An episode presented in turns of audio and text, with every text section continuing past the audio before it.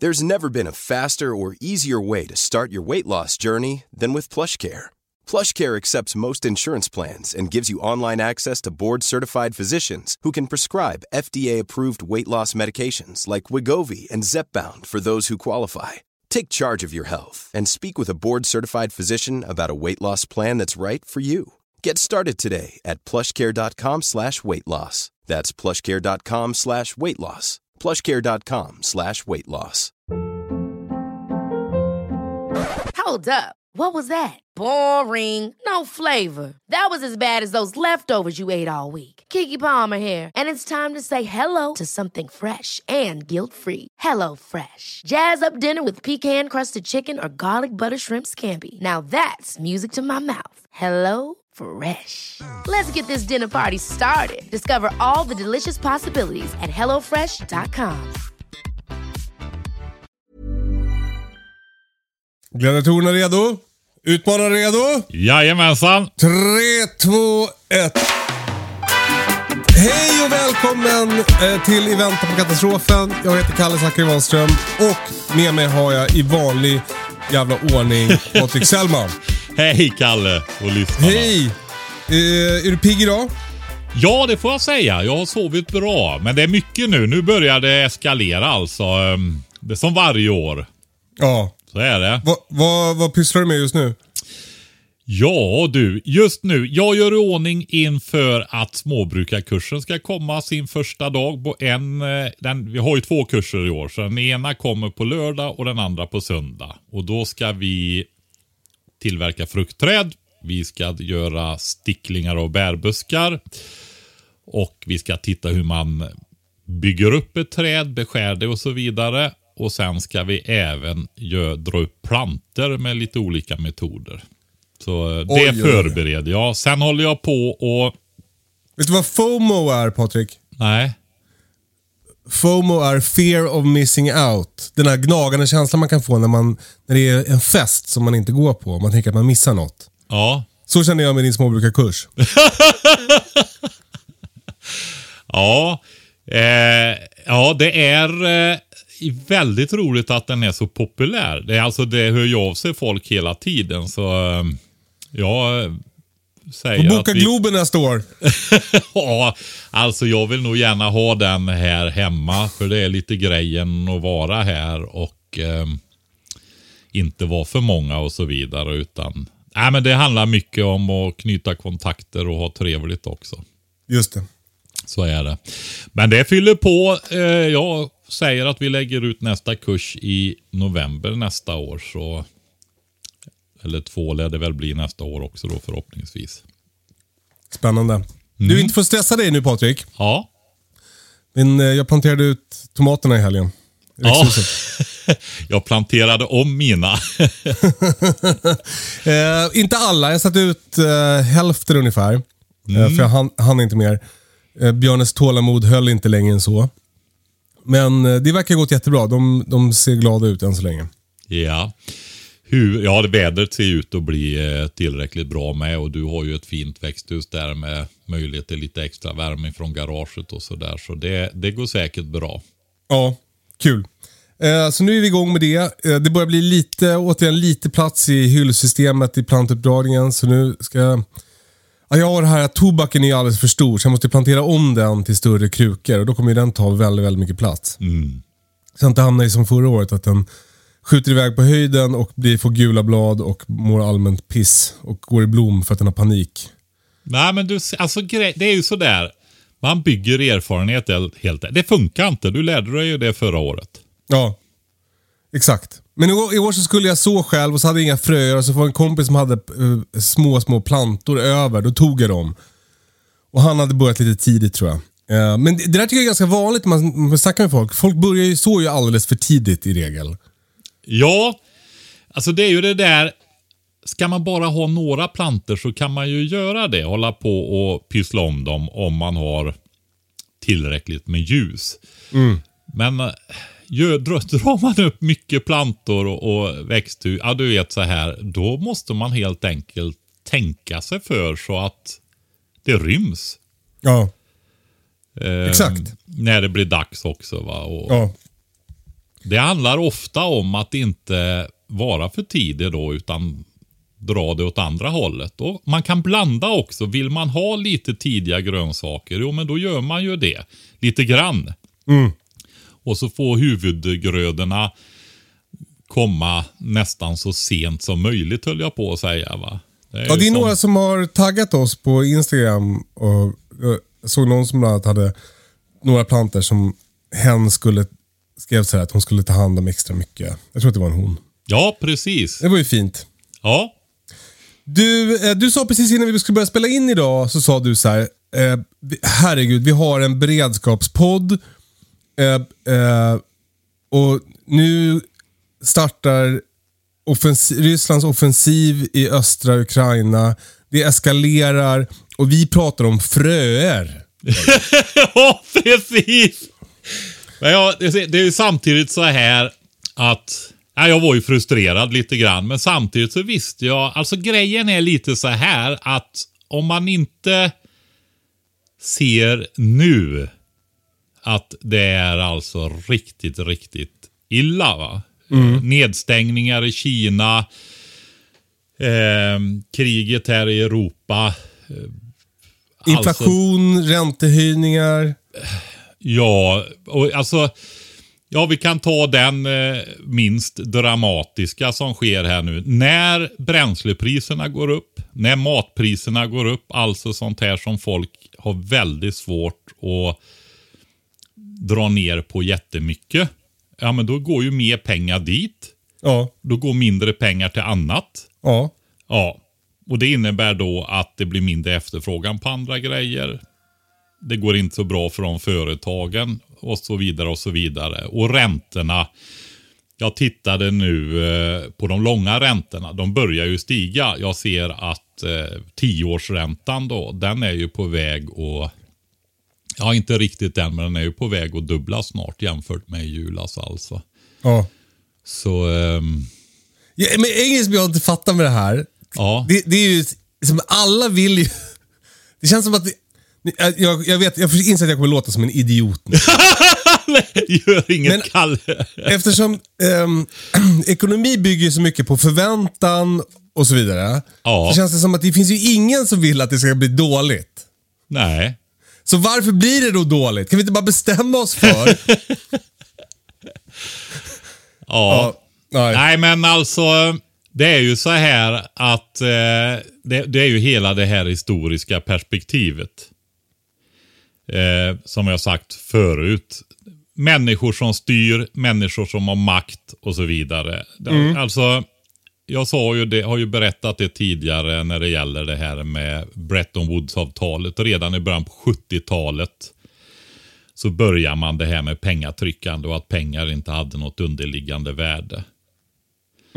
Och fram till dess, alltså efter andra världskriget och fram till början på 70-talet när man hade guldmyntfot direkt eller indirekt, då minskade avståndet mellan de rikaste och de vanliga människor. Du, måste säga, du måste säga vad guldmyntsfot betyder. Ja, det är ju det att du kan alltså, det finns ju bara en viss mängd guld och ehm, om man då har en valuta som är kopplad till guldets värde, alltså ehm, lämnar du in en sedel så får du ut motsvarande värde i guld. Så att det gör att de här makthavarna som gärna vill Alltså då pratar vi inte bara politiska utan även ekonomiska. va? Banker, alltihopa det här. Ehm, de rikaste i världen. Då kan inte de bara sko sig eller köpa röster eller och så vidare. Utan då är penningvärdet stabilt. va?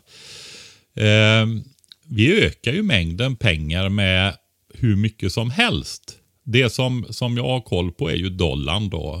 Men det är ju, euron ska ju vara minst i samma kaliber alltså. Men fast man har tryckt pengar, alltså bara ökat och ökat och ökat penningmängden sedan början på 70-talet. Och eskalerade runt finanskrisen 2008, eller bankkrisen där.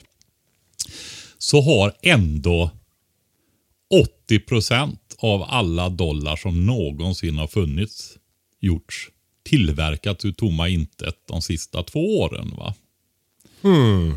Eh, alltså, för två år sedan så fanns det bara en femtedel så mycket dollar som någonsin hade gjort som nu. Nu är det fem gånger så mycket. va? Alltså världens största valuta. Eh, det är klart att det börjar knaka i fogarna när det, man gör sådär. va? Alltså, varför är det dåligt då? Vad sa du? Varför är det dåligt då? Ja, alltså tittar du. Ja, men det är ju det att det blir ju bara luft. Alla värden som byggs upp i, i det är ju bubblor då va. Det finns ju inget riktigt ökat värde i det utan det bara pumpas in i tillgångsmarknaden. Men det som också gör att det är extra dåligt det är ju det att vem får de här pengarna? Det är ju så, det är ju inga lönehöjningar. Nej. Nej. Tvärtom, Utan de här går in i banksystem och sådana saker. Och vem äger bankerna då? Har staten någon bank? Alltså det som folk tänker att vi kanske skulle äga någon bank. Riksbanken. Ja, men de... Eh, ja, det är ju sant. Riksbanken finns ju. Men eh, det är ju de vanliga bankerna, privata bankerna i stor utsträckning som kommer över de här pengarna. De går ju in i de systemen och det är ju de rikaste som äger dem. va. Ja. Så är det. Så att, eh, men hur som helst så skapas det ju bubblor. Men om vi tittar på bomarknaden då. Alltså det, vi köper samma hus dyrare och dyrare av varandra för nytryckta pengar. Jag vill inte att du snackar ner bu- bostadsbubblan Patrik, för vi äger ju fortfarande vårt radhus. Nej, men förr eller senare så händer det ju va. Och det är ju så att det är ju inte Riksbankens styrränta som styr det där. Utan de här bolånen, de buntas ju ihop och blir bostadsobligationer som köps upp av olika fonder och så vidare, placerare. Va? Och eh, när de då börjar dra öronen åt sig och märker att nu blir det mer risk, då vill ju de ha kompensation för det. va. Och då vill de ha högre räntor, annars köper inte de de här bolåneobligationerna helt enkelt. Va? Men så det är liksom lite för att några dudes håller på med ett hasardspel på global nivå. Som, det är det som gör att eh, eh, ekonomin blir här... Eh, Ja, och så har det varit genom världshistorien överhuvudtaget. Helt enkelt. Då, va? Förutom eh, realekonomin som ligger under det här. Som där det handlar om råvaror, produktion av verkliga saker och sånt också då. Så, ehm, ja. Men du, det var kanske inte ekonomin du framförallt tänkte på när du pratade om det här med Nej, beredskapsklubben. Utan det utan var väl det- Ukraina va? Ja, Ukraina också. Eller, Det är så många saker. Eh, men eh, Ukraina också. Men det känns så här att det blir bara massa spekulationer om det där. Men Ja. det är ju, vad ska jag säga, att det blir ju förmodligen ett långvarigt krig. Och att det har hög risk att eskalera ännu mer helt enkelt. Och när du säger eskalera, vad betyder det? Ja, det blir ju att det blir större och utökas. Alltså att det sprider sig? Ja. Det är ju så att eh, det är jättesvårt. Som sagt, det är ju informationskrigföring också. Det är ju därför vi inte pratar om det längre efter att det bröt ut där. Att det, vi, vi har ju följt det där, ja, sen förra sommaren i alla fall. va. Ja, det var någon Kanske. som sa att han hade lyssnat på ett, ett avsnitt för ett år sedan. Då pratade vi också om Ukraina. Ja, precis. Så vi följde ju utvecklingen och varnade för utvecklingen väldigt länge där. Men sen när det, kriget kom så vad, vad ska man... Eh, alltså vi har ju inga djupa analyser och sitter och jobbar med detta hela dagarna om alla information fram och tillbaka, satelliter för att, bilder för att försöka bekräfta och så vidare. Så att Därför har vi ju inte pratat om det så mycket, men det är extremt allvarligt. och... Eh, Alltså, man behöver verkligen förbereda sig. va? Så är det. Alltså, så det, det här är väl en påminnelse då till er som lyssnar att bara för att vi pratar om att odla tomater så betyder inte det att, att liksom, faran är över. Nej. Tvärtom. Ja, verkligen. Så är det. Men du Patrik, en grej som man kan göra eh, för att förbereda sig, det är ju att skaffa höns. Ja, Och det har vi pratat ganska mycket om i podden på sistone. För vi tycker att det är ett bra sätt att komma igång med egen matproduktion. ja det är ju det där vi sa att har du någon gång funderat på att odla de där grönsakerna? Skaffa de där hönsen, skaffa de där kaninerna. Vad det nu är för någonting för att börja producera själv. Eller utöka. Så är det i år du ska göra det. Eh, precis. Och eh, i förra veckan så, så fick vi ett brev från en kommunpolitiker som undrade vad hen kan göra eh, eh på kommunnivå för att underlätta för eh, att folk ska komma igång med småbrukarlivsstilen. Och vi har fått massa mail kring det och vi kommer återkomma till, till det. Och vi fortsätter gärna skicka in eh, mejl till hejatkatastrofen.se och skriv hur ni vill att kommunerna ska underlätta för er. Vi har till exempel fått mejl om att det i flera kommuner är väldigt dyrt att ansöka om tillstånd att få skaffa höns. Ehm, och Det är en process som, som också, där man kan få avslag och då kostar det pengar i alla fall. Så det är en sån där grej som man skulle kunna slopa för att underlätta för folk att skaffa höns. Men fortsätt gärna mejla den typen av krångel till oss. Eh, mejla hej katastrofen.se och märk brevet kommunkrångel. Mm. Det har ju kommit in fler, men det där var ju ett bra exempel. Va? Ja men exakt, jag tänkte bara teasa lite så att folk ska Ja. fatta ungefär vad det är de ska skriva om. Jo Patrik, vi har fått en annan fråga eh, till vår mail. Den kommer från Johan. Han skriver så här. Eh, tack för en grym podd som förgyller vardagen. Tack själv Johan. Det skulle vara väldigt intressant att höra era tankar om skor i ett beredskapsperspektiv. Vilka olika skodon rekommenderar ni att man har? Snabeltoffla. Och vad bör man tänka på vad det gäller skovård och material som man bör ha hemma för att kunna ta hand om sina skor i ett längre perspektiv.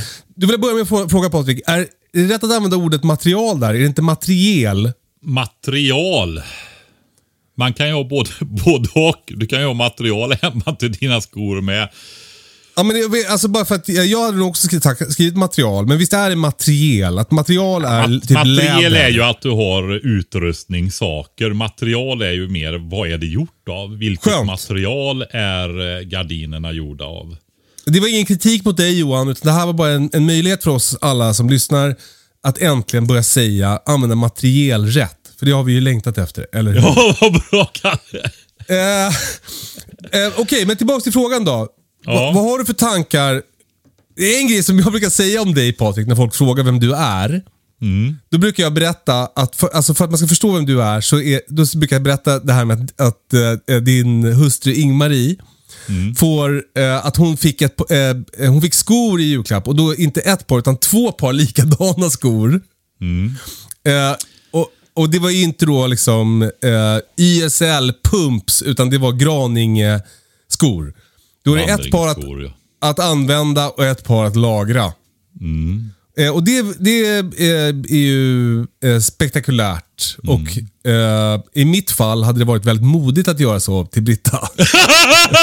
Men du, jag, alltså jag upplever ju ändå att Britta har eh, ändrats väldigt mycket. Hon börjar ju ta det här på riktigt allvar nu. Vad gör hon inte det? Ja, men jag tror hon skulle, hon, hon skulle fortfarande bli förbannad om jag gav henne vandringskängor i, i födelsedagspresent. Du, grejen är ju så här Kalle. Det var ju inte två par. Det var ju tre par. Tre fan! Men, eh, Kalle, Ja. nu är det ju så här att de där håller ju på att försvinna de där bra skorna. Så jag har ju köpt två par till åt henne. Så nu har hon ju sådana som klarar sig resten av livet. Hon har fem par likadana. Ja men Okej. du vet, det är ju, om du tänker, det är ju alltså otroligt bra skor. Ja. Som inte kostar skjortan riktigt heller. Så är det ju va. Och, Just det. Eh, alltså det, eh, jag tycker den här frågan är så bra därför att eh, det är återigen en sån där grej man tar för givet alltså. Och eh, Har du haft dåliga skor på dig, alltså fel skor på dig när du går ut i snöslask eller eh, någon gång, höll jag på att säga. Ja, Ja, alltså det är ju helt förödande. Och vad är hemskt du- är det. Ja, det är det. Och är du beroende av, eh, eller om de går sönder.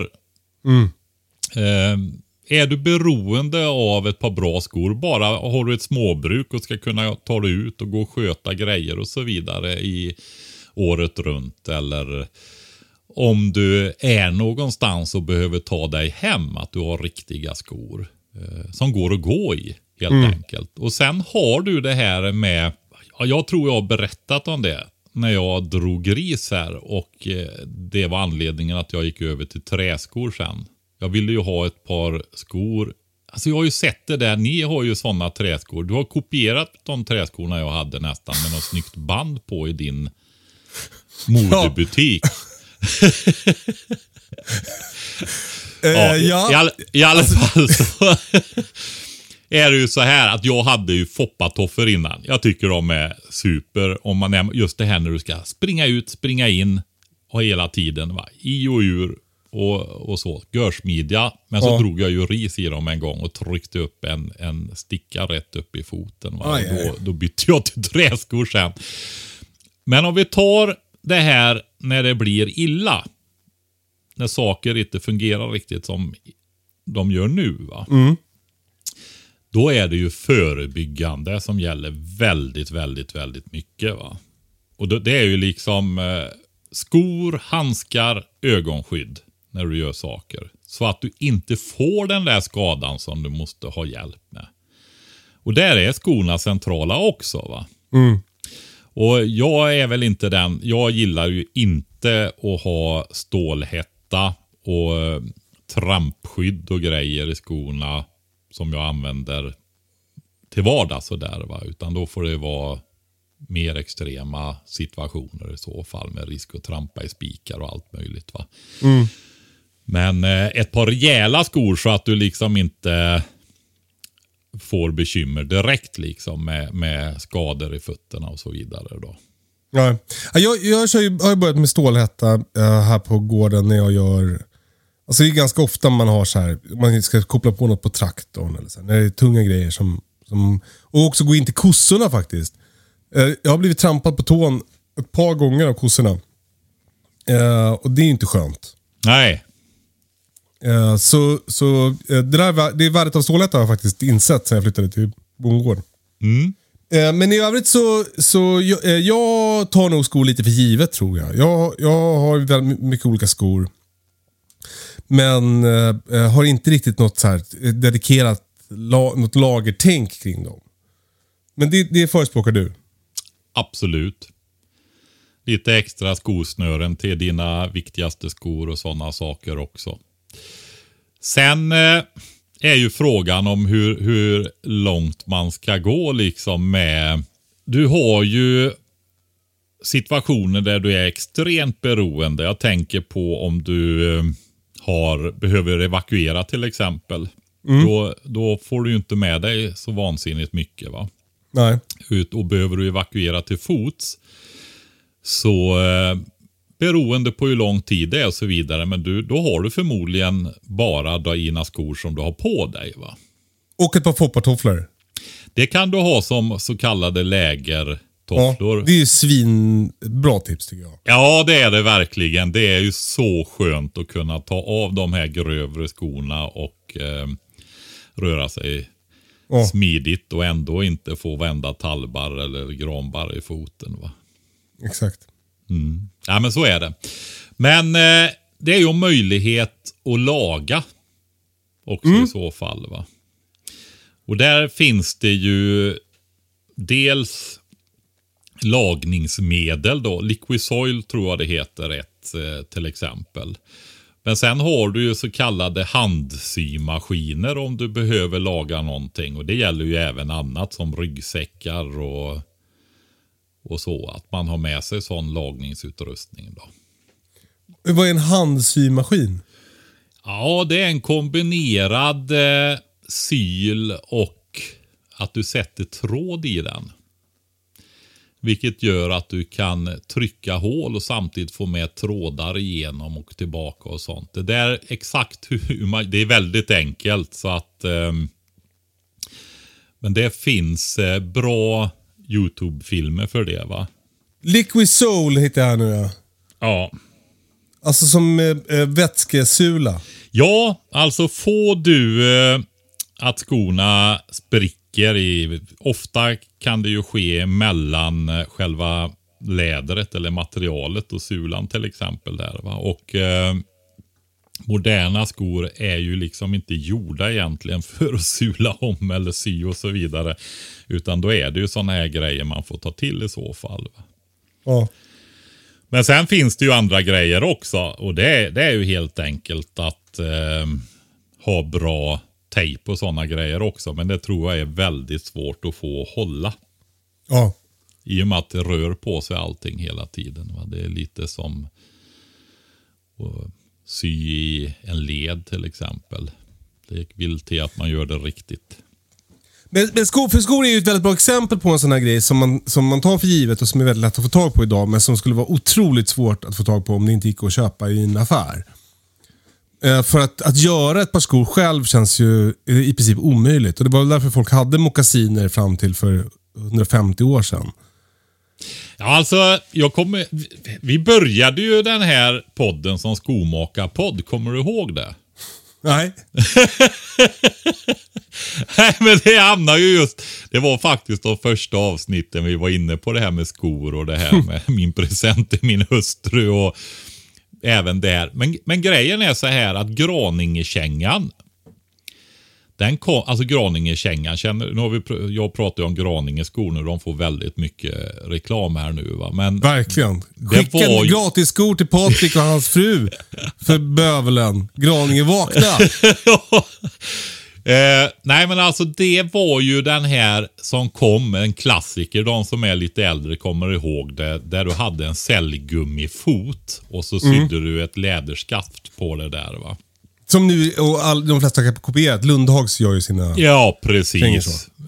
finns många sådana skor idag va. Men det var Graningekängan fick till det där först. Så det är en svensk eh, uppfinning. Och det är väl därför det är vi som har de här cellgummikängorna mycket här uppe. Många andra kör ju helläder och sånt. Då. Alltså det, jag tror det var 50-talet den kom. Tar du norra Sverige där man behövde riktiga, gjorde man ju sådana här näbbskor och näbbstövlar. Fram till dess alltså. Så det är ju inte jättelänge sedan. Nej.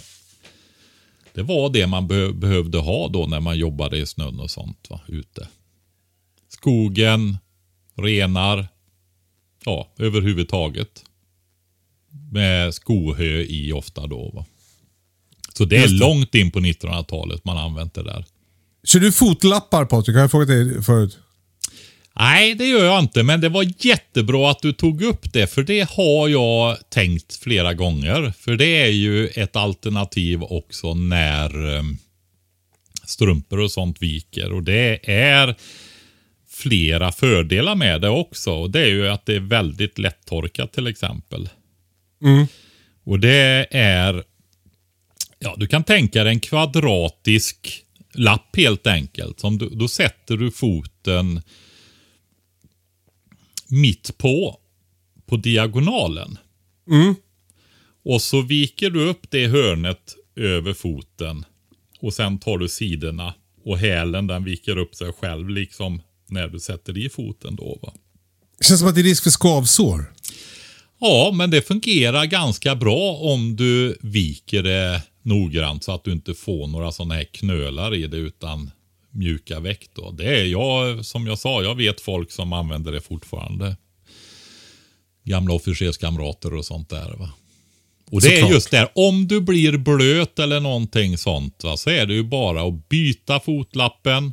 Den andra vi, vecklar du ju ut då va. Så att den är väldigt lättorkad. Det är ju inte som en strumpa som är liksom tjock och ihopbyggd. Utan det här blir ju som att torka en, en tygbit helt enkelt. Då, va?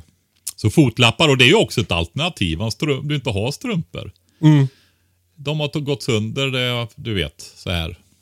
Om man ska tänka bara så man får en bild i huvudet. Det är som en snusnäsduk fast i ull typ. Ja, ull, ja precis. Eh, man kan ju ta det man har å andra sidan om man inte har någonting annat. Va? Så är det bara att vika ihop. Just det. Så det går att ta det man har till hands också och få till en strumpa på det där viset. Eller ja, du vet, fot, fotbeklädnad då va. Ja, proffsigt. Ska vi sammanfatta det här med skor då, eller? Det, det, det är, Ja, vi eh, har ju det- lite grann det här med skovård också. Ja, Eh, för är man inne på skor, visst, du har ju det här med bra skor till exempel som du ska ha på din arbetsplats eller där du är ofta till vardags. Om du behöver ta det därifrån till fots. Eller Mm. Just ha i det, bra. bilen om du behöver ta det hem när du är ute och så vidare. Va? Det är ju den ena biten. Och sen eh, eh, för evakuering och sånt om du har det och måste ge dig iväg och det är lite oklart hur saker ska gå och så vidare så behöver du ha riktiga skor. Men sen har du ju det här långsiktiga perspektivet när det gäller skor också som man lätt förstår av inledningen på det här samtalet att, att vi har tagit då att vi, vi ser till att vi har skor. Det är ingenting som vi ska behöva bekymra oss om. Så behöver du ju också kunna vårda skorna. Mm. Och eh, där finns det ju olika grejer då. Men eh, någonting som jag tycker är väldigt, väldigt bra, det är ju minkolja. Har du använt det? Alltså, det känns som en sån grej som det var snack om när man var liten. Ja, alltså det, går, det är ju inte, kanske inte bra att använda till alla typer av skor, men till mer läderkängor och sånt. Är det gjort av mink eller? Du, jag vet faktiskt inte om det är eh, fett ifrån Pressad Minkar. mink. Ja, det känns som att det kanske är en att- restprodukt från Det kan ju vara det faktiskt. För att eh, eh, de odlar ju mink för pälsarnas skull och då är ju kropparna kvar. Så visst kan det vara det. Men jag vet, jag vet faktiskt inte det. Eh, det är en gammal klassiker. Jag lärde mig det på 80-talet och det blir väldigt fint eh, och mjukt då. Va? Men då kan det å andra sidan bli väldigt, väldigt mjukt då. Men sen har jag en annan produkt som är mer lädervårdsprodukt. Och det är ekololja då va. Vad är Används mycket till, ja, det är en flytande oljeprodukt för impregnering och smörjning av läder då va. Och används mycket till seldon och träns och sadlar och sådana saker också då. Men du kör inte vax? Jo, det har vi också. Ja. Det är ju för att eh, göra läderkängor mer vattentäta då. ja. Eh, men för bivax borde väl kunna funka för det? Ah, du får nog göra... Ja, bivax blir ju liksom lite, vad ska vi säga, nästan torrt och, och sprutt där. Va? Utan du måste nog eh, använda dig utav någon av de recept som finns då. Där bivax ofta ingår i och för sig då. Eh, ett annat tips kan ju vara att gnida kängorna mot fåren. Om man har sådana. Med lanolinet tänkte Exakt, de har något eh, eh, guck i pälsen som är, blir väldigt fett och kladdigt. du? Mm, det är lanolin. Ja. Det är lanolinet som gör att, eh, alltså ullfett som gör att eh, om du har ullunderkläder med en viss mängd lanolin i. Går att tillsätta efteråt, det går att köpa också om du tvättar och så vidare så kan du åter, återfetta det helt enkelt. Det innebär att när du bär, om du behöver ha samma kläder på dig relativt länge så eh, när du svettas och salt, det är ju salt i, i där också, så för, förtvålas det här med fettet i ullkläderna och det gör alltså att det luktar inte. På Är det det som gör det? Det passar ju fåren bra för de har ju samma kläder i princip alltid. Precis, precis. Jag tror i deras fall handlade det också om avrinning, va? alltså Ja. för vatten och sådana saker. Då. Okej, så man behöver kunna eh, ha, eh, ha på något medel på sina kängor. Så du, du förespråkar olika oljor. Jag brukar använda vax bara, men jag är ju inte direkt vårdkungen heller. Så att, eh, jag ska börja med minkolja också. Alltså det har ju det här med... Eh, alltså vaxet är ju mer till för att göra det, täta till porer och så vidare. va. Så är det. Medan eh, minkolja, ekololja och så vidare. Eh, de är ju till för att mjuka upp så att inte lädret blir hårt och, och sprutt och slits i förtid och så vidare. Utan att ha ett mjukt och fint och smidigt läder då. Va. Så man kör först oljan och sen vaxet. Så kan du göra. Ja, då fick man lära sig det. Och behöver man gummistövlar ska man lagra det också. Lagra. Jag vet ju inte hur många utav lyssnarna som är så långsiktiga att det handlar om det. Nej, men eh, gummistövlar har ju definitivt sin plats. I'm Sandra, and I'm just the professional your small business was looking for. But you didn't hire me because you didn't use LinkedIn jobs. LinkedIn has professionals you can't find anywhere else, including those who aren't actively looking for a new job but might be open to the perfect role, like me. In a given month, over 70% of LinkedIn users don't visit other leading job sites. So if you're not looking on LinkedIn, you'll miss out on great candidates like Sandra. Start hiring professionals like a professional. Post your free job on linkedin.com/people today.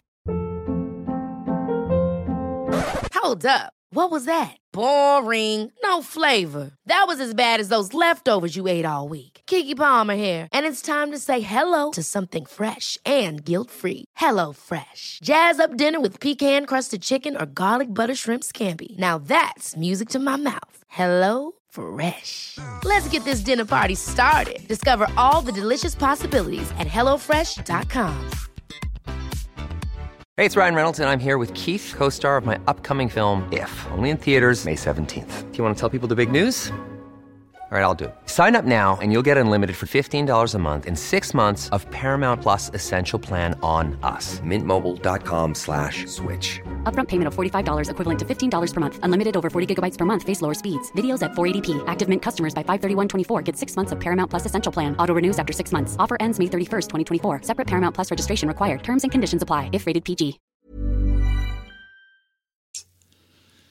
Så är det. Och ehm, där har du ju också det här med ehm, förebyggande om du ska jobba med eh, bensindrivna sågar och något slag motorsågar, röjsågar och så vidare så är det ju väldigt bra med huggarstövel. Va?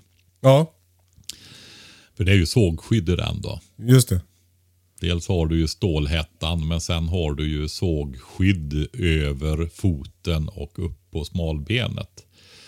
Så går svärdet i med kedjan där så eh, tar det sig inte igenom då. Jäkla smart. Sen har du ju, om jag får marknadsföra ett annat, så har du ju ett företag som gör väldigt bra eh, gummistövlar för skidbindningar och det är ju Nokia vinterstövel med filtinnersula. Det är en vinterstövel då. De är ju, de tycker jag väldigt, väldigt bra om då. Ja, kul. Och de håller länge också så de är liksom inte så dyra per år som de verkar. Eh, Det är ju väldiga prisskillnader på olika stövlar då. Och de här är ju inte de billigaste om man säger så. Men de håller ju väldigt länge. Ja, för det är ju annars min kritik mot gummistövlar. De går ju sönder på ett år. Alltså jag, jag har tror jag aldrig haft några gummistövlar som har hållit längre än ett år. Får köpa kvalitet istället. Eh, och vill man ha träskor då, som Patrik och jag eh, var lika cool som oss, då, då kan man ju eh, handla dem från eh, Kärret. Får ni googla Kärret träskor. Eh, Jävligt snygga om man får säga det själv. Du, är vi klara med skor Patrik? Ja, jag tycker vi får lämna det nu så vi kommer vidare. Skönt. Vi har fått en fråga från Johan. Han skriver så här. Hej Kalle och Patrik, underbar podcast. Mer min smak än bunker och ammunitionskillarna på andra sidan Atlanten. Jag har två frågor. Kombinerade nytta med nöje i helgen, promenerade tre mil och för första gången hängde min BOB med. Vad är en BOB Patrik? Ja, det är ju bag out bag då. Eller Bug out bag, precis. Ja, evakueringsväska som vi säger då. Eh, evakueringsväska som du säger. Eh, vi börjar med att tacka för den lilla extra motivationen att jag, till att jag faktiskt använder saker. Jag fick bland annat användning för en del av prepsen. Dock vågade jag inte testa mitt vattenfilter, Katadyn kombi. Jag har två frågor. Fråga 1. Skulle ni känna att vattnet i Mölle mosse var säkert att dricka efter enbart filtrering? Ja, alltså Mulle Mosse. Jag känner ju inte till Mulle Mosse så bra. Gör du det Kalle? Va? Känner du inte till Mölle mosse? Nej, precis. Det gör man ju inte. Men, men om du tänker dig en mosse. Ja, jag tror att det där är ett, ett litet vattendrag. Jag tror inte det är en mosse egentligen. Men man kan väl säga så här då. Filtrering. Det beror ju på vad det är för kvalitet på filtret. Och eh, om det är helt och så vidare. Ja, alltså jag tycker, jag har ju lite problem med vissa vatten, alltså live straw och sådana grejer. Alltså ligga och suga upp vatten i, från ett vattendrag rätt in i munnen genom ett filter. Är det dig nervös. Ja, alltså i och med att det är så pass allvarligt, speciellt om det är en utsatt situation då, att bli så dålig som du kan bli av dåligt vatten så tycker jag väl inte man, jag, jag tycker det är en konstig konstruktion då. Va? Men eh, är det så att det är, är väldigt viktigt att vattnet är rent så kan man ju både filtrera och koka det. Det hade varit ett, bättre, ett bättre alternativ. Ja, han, eh, han pratar ju om Katadyn kombi och Katadyn är ju, är ju, ska ju vara bra filter då. Om man har ett vattenfilter, då måste man väl kunna lita på det? Ja, men det är ju fortfarande en, en sak. Ja, men jag menar bara, funkar alltså- ju inte alltid. Nej, men om du ändå måste koka vattnet, då kan du väl skita i vattenfiltret? Bara koka Nej, men vatten. alltså du får ju ett mycket trevligare vatten om inte annat om filtret fungerar ganska bra. Va? Så är det ju. Ja, men du kan, inte, du kan fortfarande inte lita på det. Du vet, det är lite brunt och lite sumpigt och så vidare i, i eh, sjöar och sånt där. Så ehm, Så rent aptitligt så blir det bättre med ett filter, men du måste fortfarande Ja, men sen, alltså, sen beror det ju på vad du har för filter. Om du har prövat det, att du vet att det fungerar helt och så vidare, så är det ju en sak. va. Men tänk om det har gått sönder sen sist då?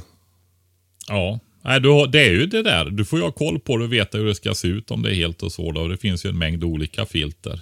Kokar man och tittar på ett rullande kok, då vet man att det har eh, tagit bort alla, alla farliga parasiter och sånt i vattnet och bakterier och sånt. Då. Det här var ju inte bra reklam för vattenfilter direkt Patrik. Nu, jag tänker att jag aldrig ska köpa ett vattenfilter. Bara Nej, men alltså det kräver ju lite eftertanke att använda filter, så är det ju. Så att, eh, ja men vi har ju till exempel Sawyer Mini i våra evakueringsryggsäckar. Ja. Det är ett litet smidigt filter. Det är bara det att när du har använt den typen av filter så har du ju vatten i själva filtermaterialet. Och det Där är kan ju- det bildas bakterier. Ja. Nej, det är så här att om du då är ute på vintern, vi bor ju i en kall del av världen. Och så har du det där i ryggsäcken. Då fryser det där filtret sönder. Så har man sådana små keramiska filter och sånt där, ja då måste du ha det i innerfickan och så. Om du är ute på vintern. Annars fryser det sönder. Då funkar ju inte det så bra sen. Så det är en viktig Herregud. grej när man har den typen av filter. Att man vet att man sätter dem inne i fickan på jackan. Att man har dem i sovsäcken om det behövs och sånt där också då. Eh, smart. Du, eh, kan det vara en idé att provdricka ur eh, vattendrag som är kan man säga, på flyktvägen eller på nära ens... Eh, dit man tänker att man kanske kommer att hamna om det, om det blir en, en nödsituation? Nej, alltså inte i rinnande vattendrag och, och sådana saker. Därför att eh, det räcker ju att ett djur dör och blir liggande och var uppström så får du ju tråkiga saker i dig sen. Va? Ja. Utan eh, möjligtvis så finns det ju möjlighet med källor. Alltså det, det är ju den typen där vattnet kommer ur marken. Där har det ju renats i marken oftast då. Och där har du, ser du ju runt platsen hur det ser ut dessutom då. Men jag är eh, sådär så att eh, det är bra att koka vatten alltid Ja. om man inte har koll på det. Va? Då vet vi det. Du, eh, eh, Johan har en till fråga. Han skriver så här. Eh, min bug out bag höll inte måttet då remmarna gled. Kan ni rekommendera någon ryggsäck 60 liter till 90 liter? Mm. Har du någon? 60 till 90 liter. Ja, jag har eh, flera förslag där. Den ena är en av mina gamla favoriter och det är ju arméns gamla spanings och jägarryggsäck. LK70. Tyvärr så går de ju inte att få tag i utan liksom den där rekommendationen har ju att göra med att de var så billiga också. va. Ja, för ett tips då om du vill ha en sån ryggsäck det är ju att du åker till eh, Sergels torg i Stockholm. Eh, du tar av kängorna och visar dina fotlappar. Då kommer det komma fram en man med en sån här ryggsäck och ge den till dig. Eh, Okej, så den gamla jägarryggsäcken. Vad- Om man, liksom, hur ser den ut om man ska leta efter en sån på loppis? Ja, jag tror, jag tror inte den finns. Den är extremt eftertraktad idag, så jag tror inte den finns på loppis. Då. Nej, men Ja. man får googla LK70 ryggsäck, så får du upp bilder på Google på den då. Ehm, sen, det är ju det här med budget och sånt där också. Ehm, finns en ryggsäck som är, det är ju gamla ramryggsäckar. Fjällräven Raven Gyro till exempel. Är ju en sån. Som Just är det. En gammal klassiker som är riktigt, riktigt bra då. Jag, vet, jag har faktiskt en eh, bevakning på sån på Blocket. och Det dyker aldrig upp någon. jag tror att de är väldigt, väldigt eftertraktade. va. Men du förespråkar en sån här ryggsäck med en aluminiumram och som en påhängd säck. Ja, det är det. Ja, för det ser ut Precis. som att både den här LK70 och den här fjällräven är så. Ja, LK, LK, LK70. Det är ju inte aluminium. Det är ju stål. va. Det där, nej, men alltså den där är ju ingen lättviktsryggsäck. Så är det. Den där är gjord för att kunna lasta på så pass mycket så att alla människor ska bära tills de kunna bära så mycket så de inte orkar bära mer. Va? Du ska ja. kunna ta av säcken och lasta på vad som helst på den där och bära iväg. Va? Mm. Så, så den är, och den ska klara att bli eh, uppkastad på lastbilsflak och ramla av och allt möjligt sådär. Va? Så, och den är också reparerbar i väldigt stor utsträckning. Med svets. ja, stål, stålstommen menar du? Ja, precis. Nej, jag tänker på, skämtar på själva säcken då. Ehm, så är det. Ja, man blir väldigt sugen på den här LK70 nu. Eh, om det är någon som har en sån så får ni gärna höra av er. Kanske vi kan göra affär.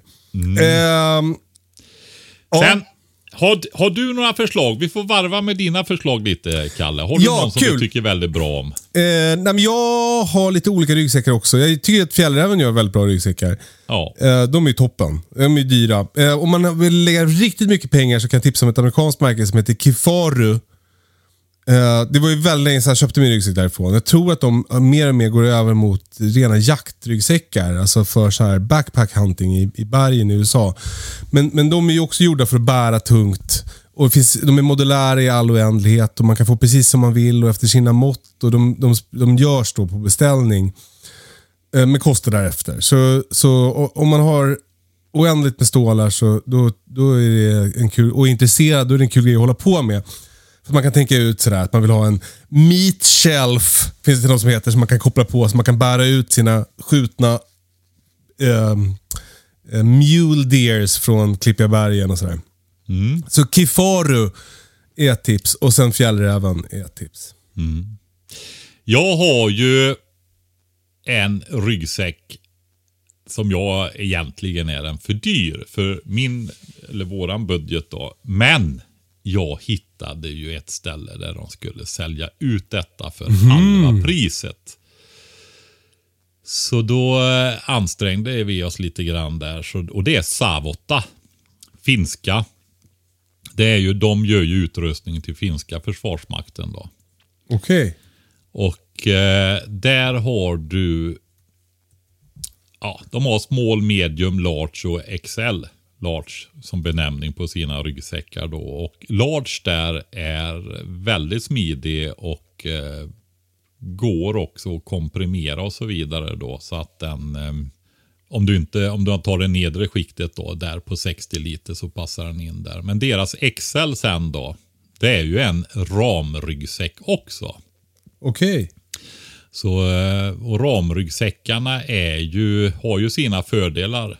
Just det här att du får, eh, säck, du får ju lite mer luft emellan ryggsäcken och eh, kroppen bland annat om du ska bära mycket. Och så får du ju en superstabilitet på det hela då. Den här Ja. XL är väldigt hög också och just vid eh, eh, alltså smal och hög. Så just om du går till fots så vill du ju få upp vikten då i ryggsäcken. Alltså högt upp i den. Medan om du åker skidor så blir det väldigt vingligt om du går med vikten uppe vid huvudet. Just det. kan lätt stå på huvudet då. Ehm, så då vill man ha i de nedre delarna då. Nej men det är väldigt fina ryggsäckar som sagt var. Och sen har jag två överskottsryggsäckar till. Det är ju så, militärt överskott just det här att ha väldigt robusta grejer. Och jag tycker när man pratar om sådana här saker när man verkligen behöver kunna lita på utrustningen så är det här att eh, lägga lite vikt på att få väldigt robusta saker som håller. Och kanske går att reparera också dessutom då. Ehm, och det, det är ju Berghaus ryggsäckar. Det är ju Vulkan och Crusader heter de. De finns ju att köpa i överskottsbutiker då. Ja, just det. För de, de kommer ihåg att, gamla, att militärkompisar har. Mm. Blir man tilldelad en sån i, i försvaret eller? Alltså jag vet inte vad de har för ryggsäckar nu. De har ju helt andra ryggsäckar nu för tiden än vad de hade förr då. Jag har Ja. inte tittat så mycket på, på vad de har nu då. Men eh, eh, det kan ju vara sådana faktiskt. Man blir jävligt peppad på en Savota Jäkeri XL nu kan jag säga. Jag är inne och Ja. klickar runt på hemsidan. Synd Den att är- jag aldrig använder ryggsäck för att jag lever ett så stationärt liv med mina småbarn nu. Ja, du kan ha bägge. Den, den är väl uppåt 100 liter i alla fall. 100 liter är den. Och den går nog att överpacka också på höjden där uppe. Va? Så att det går nog att få ut lite till i den. Ja, men det går att sätta på nya, äh, fler fickor på den. Och ett jävla hallå. Ja, kul. Eh, då fick du lite tips på ryggsäckar Johan. Eh, vi går vidare va Patrik? Ja, det gör vi.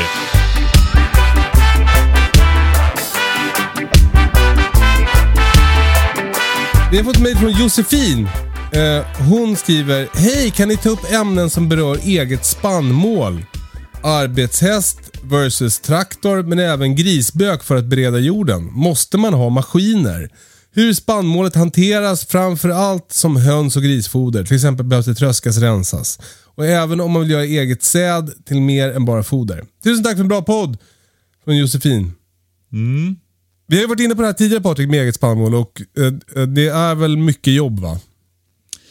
Alltså det är ju, jo, det är ju intressant det här att hon tar upp till hönsen då i alla fall. Det kan vi ju faktiskt eh, ta en, en gång till. Eh, ja men alltså hönsen kan ju äta ur eh, kärvarna direkt. va. Just det. Så är det ju. Det är ju andra fåglar också. Det här med fågelmat, sätta upp en julkärve till fåglarna. Va? Det var ju ofta havre då, så det, så det går ju att göra det. Eh, och då får du ju också halmat.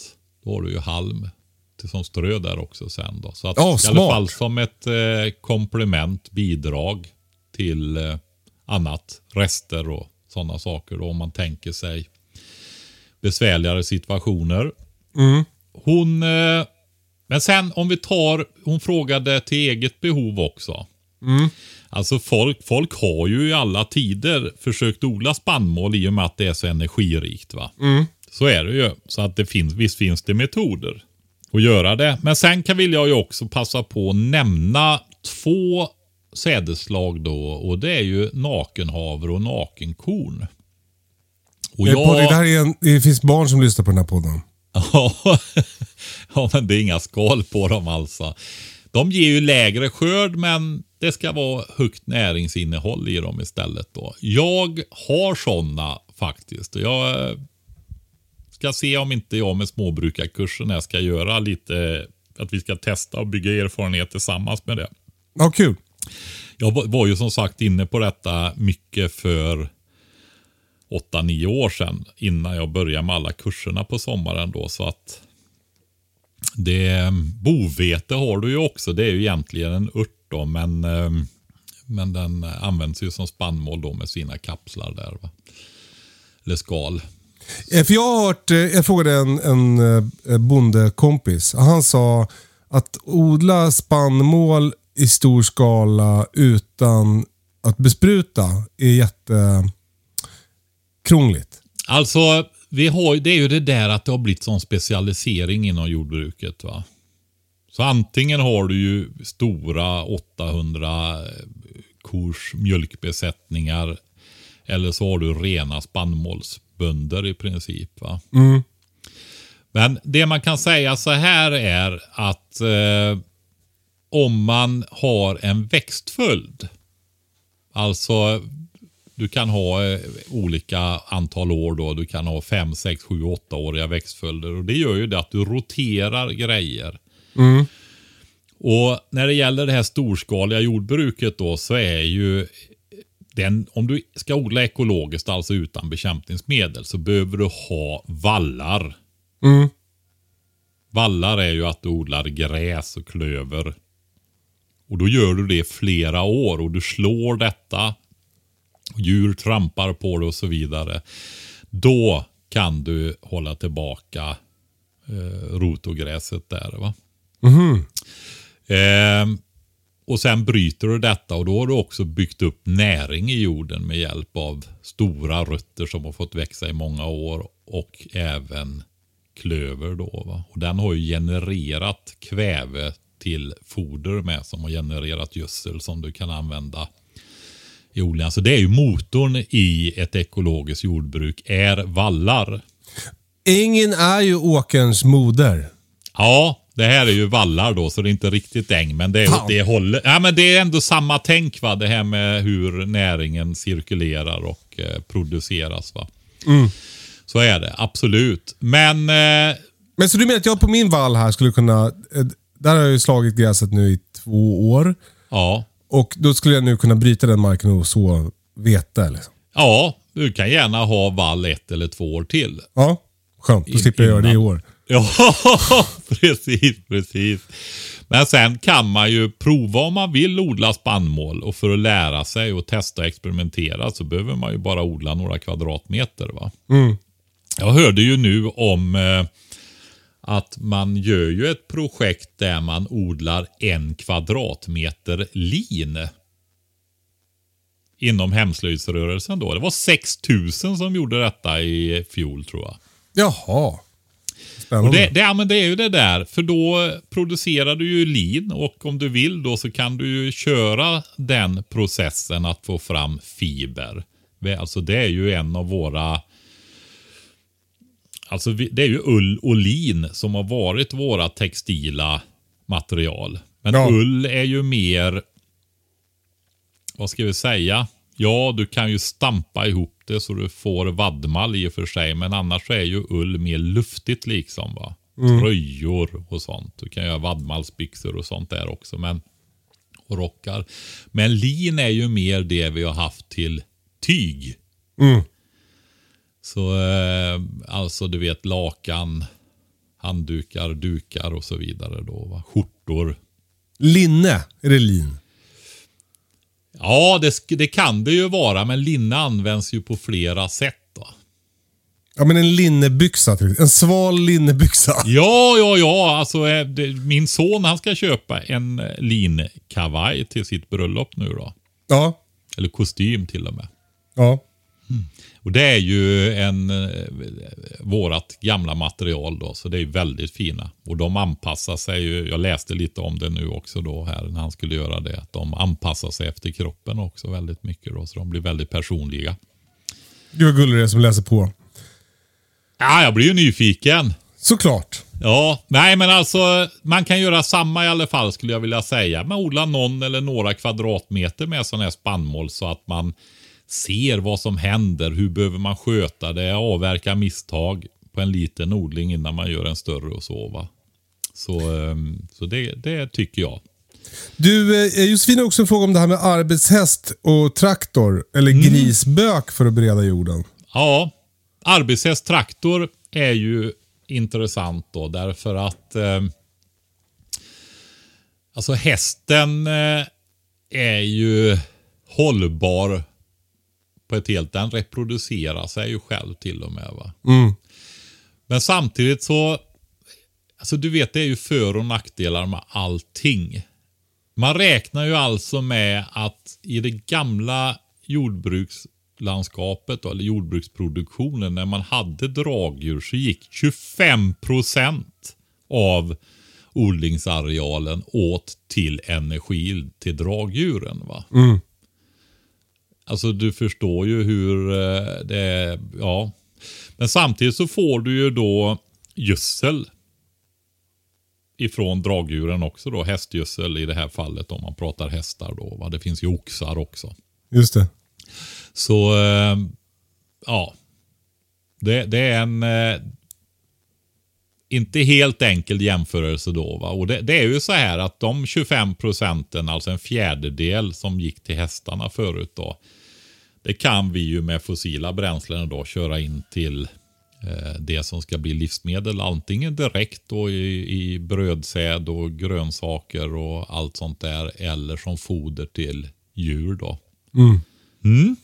Men så du, vad, eh, för jag, jag har ju traktor och, och det är ju ganska ofta man hoppar in i den lite snabbt. Jag, jag kan tänka mig att ha en häst, det skulle ju ta mycket längre tid att, vad det nu är man gör med en häst, eh, tränsla på, Selar. ryk, rykta. Ja, selar och den behöver ju daglig skötsel och så vidare också då. Ja. Utfodring och sådana saker. Det behöver säkert min traktor också fast jag skiter i det. Ja, men Eh. kanske inte, inte, inte lika mycket lika ofta som en häst om vi säger så. Då. Nej. Och sen är det, kräver det ju kanske en helt annan planering också. Om du har en häst. Just det som du sa, att man gör i ordning den, tar ut den och så vidare. Så gör man det man ska göra. va. Men sen har du ju sådana saker som du har märkt med en traktor också. Att eh, jag har i alla fall inte sett den, men frontlyften på hästen. Den är ju svag. Du, eh, eh, jag tror att vi är klara med Josefins mejl. Det är bara en grej kvar. Eh, hon skriver om det här med grisfoder. Och, och då, om jag får chansa då, för jag tror du har sagt det till mig förut. Att eh, hö, hönsen har ju en sån här muskel, en kräva, en muskelmage som kan mala sönder hela frön. Men det har inte grisarna. Så att mycket frön eh, går bara rakt igenom en gris om du ger helt spannmål. Så därför vill du gärna eh, eh, mala det lite grann. Så kallad gröpe eller kross. Så jag ger till exempel nu eh, kornkross till mina grisar. För då får jag mindre svinn. Var det rätt eller? Ja, du får bättre näringsupptag helt enkelt. Då. Exakt som jag sa. Ja. Men sen eh, frågar hon väl om markberedning med grisar också. Där har ju du den färskaste. Jag har ju lite har ju haft grisar med jämna mellan. Just när jag behöver dem som markberedning så har jag ju passat på och fått jättefint fläsk då. Just det, ja, de, de är ju väldigt eh, bra på att eh, vända på jord. Eh, det ser ju helt sjukt ut i den hagen som de har varit i under vintern. Eh, nu eh, kommer det väl så småningom här bli dags att flytta dem till, jag har ju tre fack i min hage. Men eh, de, de eh, har ju, alltså det är säkert 30-40 centimeter på vissa ställen som de är nere. Rötter är avbitna, det, det ser liksom helt, de är helt överjävliga. Men det blir ju som en öken, så nu är det ju en öken i det facket där de är, men det börjar ju växa i det facket där de har varit tidigare. Och med all, all skit som, som gödning också, så de är ju väldigt bra på markberedning. Eh, De är ju lite bångstyriga. Eh, Så de, de är ju som smarta och går inte riktigt att lita på. Så jag har inte vågat flytta mina grisar utanför deras den här hagen ännu. Men för jag hade ju någon slags tanke om att jag skulle låta dem böka upp mitt grönsaksland för att sen göra nya bäddar och, och så. Eh, Men jag, jag, jag tror inte jag vågar det. Eh, Så, så, så det finns ju liksom, en traktor är ju liksom, den är lättare att sikta med. en gris. Men om man får dem att böka på rätt ställe, då, då är de ju helt överjävliga. Sen behöver man ju antagligen då, eh, om du ska använda den som markberedare så behöver du ju på något sätt trampa till den där jorden sen. Så du behöver ju som, i- alltså i, i ehm, om man jämför med en traktor så är, det de gör är ju framförallt att de plöjer ju. Så, så du skulle behöva harva och kanske välta också. Mm. Alltså kultivera jorden. Men det, det, det kanske ha kossor till. Det vet jag inte. Nej, alltså jag har ju använt, du har ju större ställen än vad jag har. Och eh, det jag, min erfarenhet är den här att jag, mina 5700 kvadratmeter när det gäller markberedning för att föda upp, då har jag köpt två eller tre griskultingar. Mm. Låtit, fött upp dem. Eh, här och det är så tydligt Alltså det är ju exponentiell utveckling. När de är små då blir det inte så mycket bökat. Och sen när du börjar komma fram, framåt sensommaren, hösten. Nej men alltså du vet. Du ser ju en gris som bara kör rätt igenom backen på en halv meters djup mm. ungefär. Va? Alltså du har ju djupa kratrar. Alltså vi pratar halvmeters kratrar och sånt mm. där. Va? Eh, det som jag tycker, jag har ju morän och det betyder ju att du har alla storlekar på eh, material i jorden då. Ifrån lerpartiklar upp till stenar. Och block till och med också då. Va? Men block är ju jättestora stenar. Mm. Eh, det som är intressant är när de har bökat igen. Det är ju att de har ju stenrensat också. Mm. Så all sten ligger på ytan i princip. Så det är bara Jaha. att plocka bort den. Du vet, det Gud, finns speciella maskiner som du har som jobbar till ett visst djup och som plockar upp stenen och lägger på ytan eller samlar ihop i någon låda eller någonting. Mm. Men det kan gris, gör grisarna också då. Va? Ja, vad coolt. Ja, det, mm. det känner jag inte till. Nej. Ja, vad spännande. Nej, men du har väl mer lera på det. Du har inte så mycket sten i jorden där va? Ah, det finns en del, men det är, det är, det är gammal havsbotten där nere där de är. Ja. Så, så, så är det ju. Jag är ovanför högsta vattenlinjen då, så här är det ju blandat ifrån inlandsisen. Då. De verkar också väldigt bra på att ta bort rötter. Mm, till, det är de. Till uh, trädens stora förtret. Ja, men också ogräsrötter som kvickrot, tistlar och den typen av. Så de är väldigt bra för ogräsbekämpning också. Ja. Eh, kontra din eh, eh spannmålsodlare där med för mycket ogräs. Ja, precis. Mm.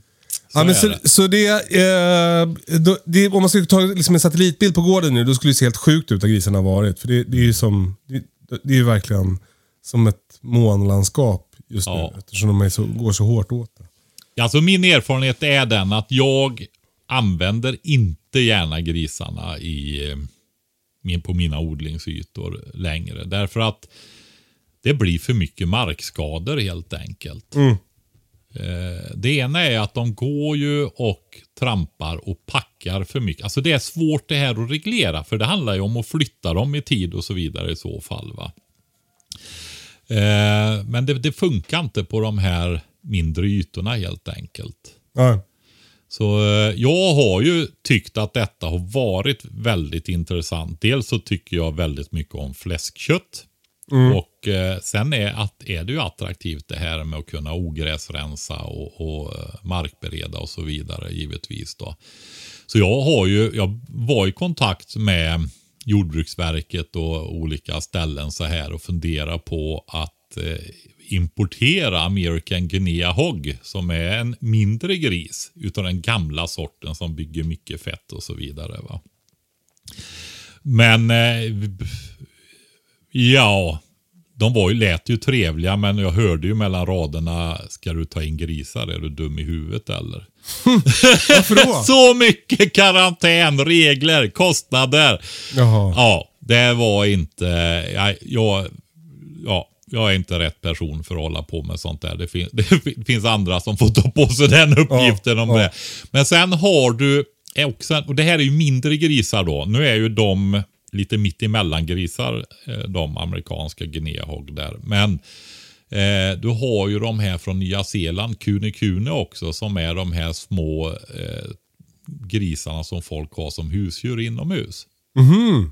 Men de finns i lite olika storlekar, olika stammar också. Så det finns en stam där som är lite större som används som slaktdjur. Och det, det som är intressant också med de här två, Kunikune och American Guinea Hog, det är ju det att de är inte lika, vad kan man säga så här, de är lite mer betande grisar. De bökar när det inte finns något att beta i princip. Så att, okay. eh, Det går att böka med dem men sen behöver du inte få samma markslitage plus att de är mindre då. Va? Ja, det låter ju perfekt. Ja, jag ville testa det men jag har aldrig kommit vidare med det där. Det har jag inte. Vi får ju se hur mina vildsvinshybrider blir också. Med bökandet. Ja, Oj, de är ju... De jävla gäng du, här. Ja, de är bökande grisar så det smäller om det. Så är det. Jag sa det där också med dammen va? Alltså att eh, Filip som eh, eh, har den här skogsträdgårdsbloggen som, som eh, har hjälpt mig med dammen. Jag frågade honom.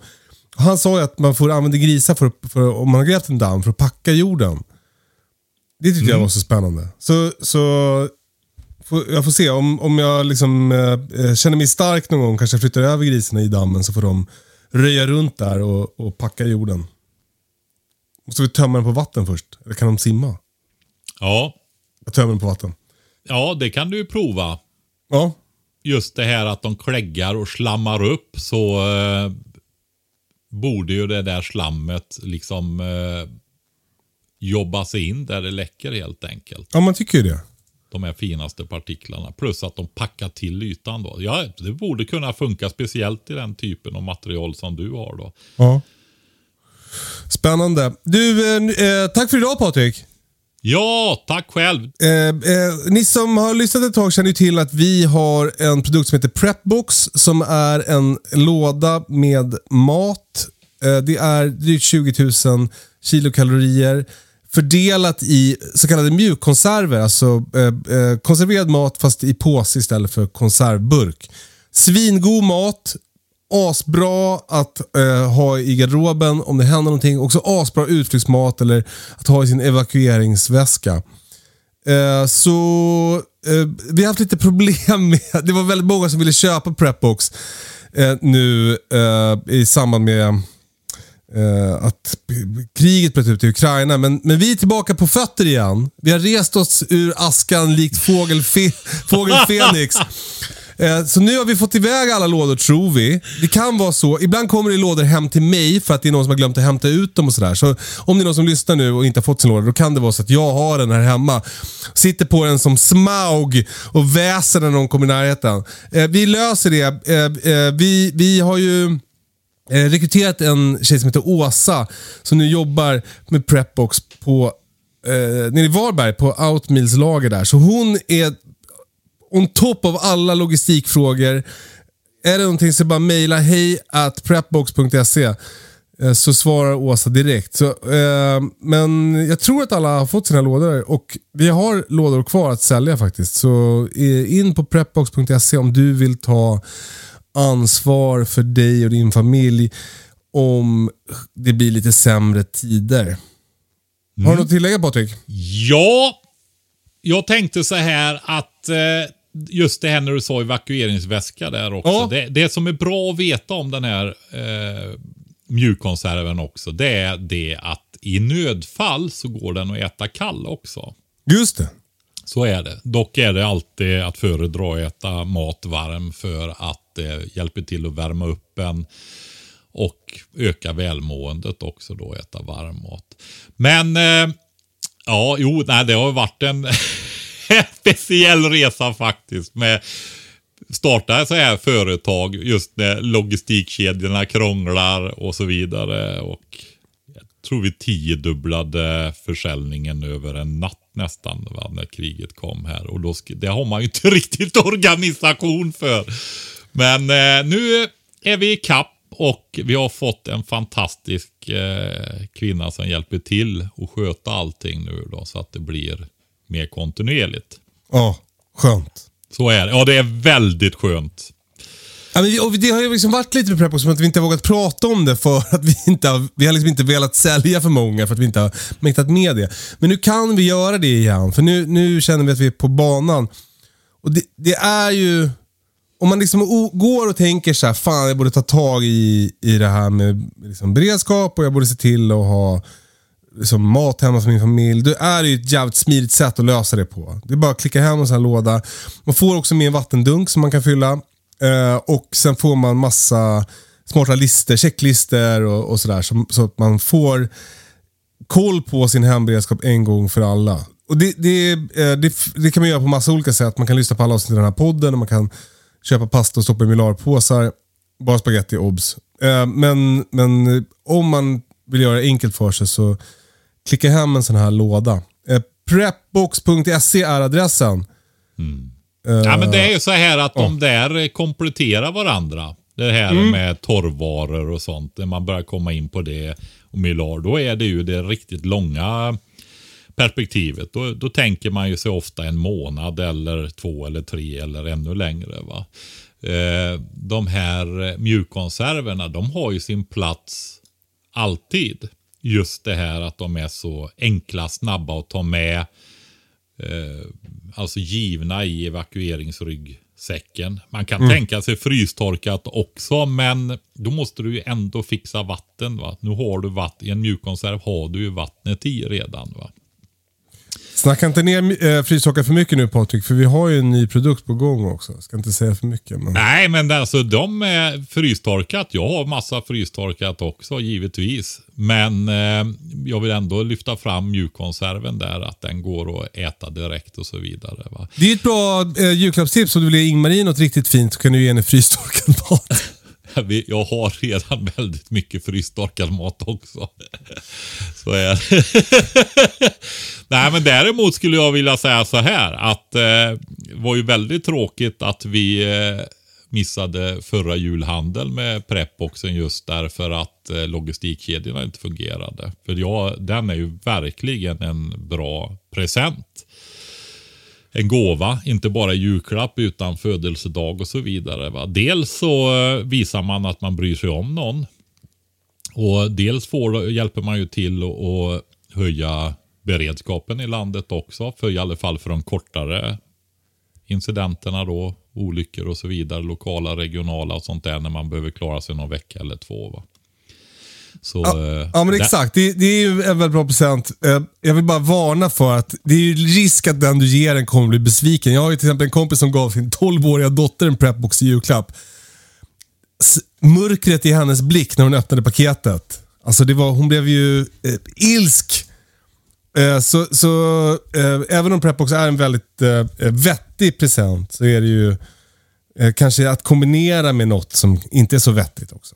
Ja, om man ska ge det till sin 12-åriga dotter så eh, kanske det är så. Men det finns nog väldigt många som skulle vara väldigt glada över att få en sån där. Nu måste vi sluta Patrik! Ja! Tack för idag! Eh, fortsätt mejla. hejatkatastrofen.se är adressen. Eh, vi, vi tycker att det är extra spännande med såna här kommunkrångel-mail just nu. Alltså mail eh, med förslag på ändringar som eh, kommuner kan göra för att underlätta för dig som vill öka din hemberedskap eller komma igång med ditt småbruk. Eh, Gärna, gärna lite exempel på just krångel också. Ja, precis. Befintligt krångel. För då visar det ju liksom... Eh, alltså man tänker att det är ju lite märkligt det här att det ska sättas i system och fördyra och försvåra saker. Nu slutar vi innan du blir politisk Patrik. Ja, ha det bra! Puss och kram! Hej då! hej då!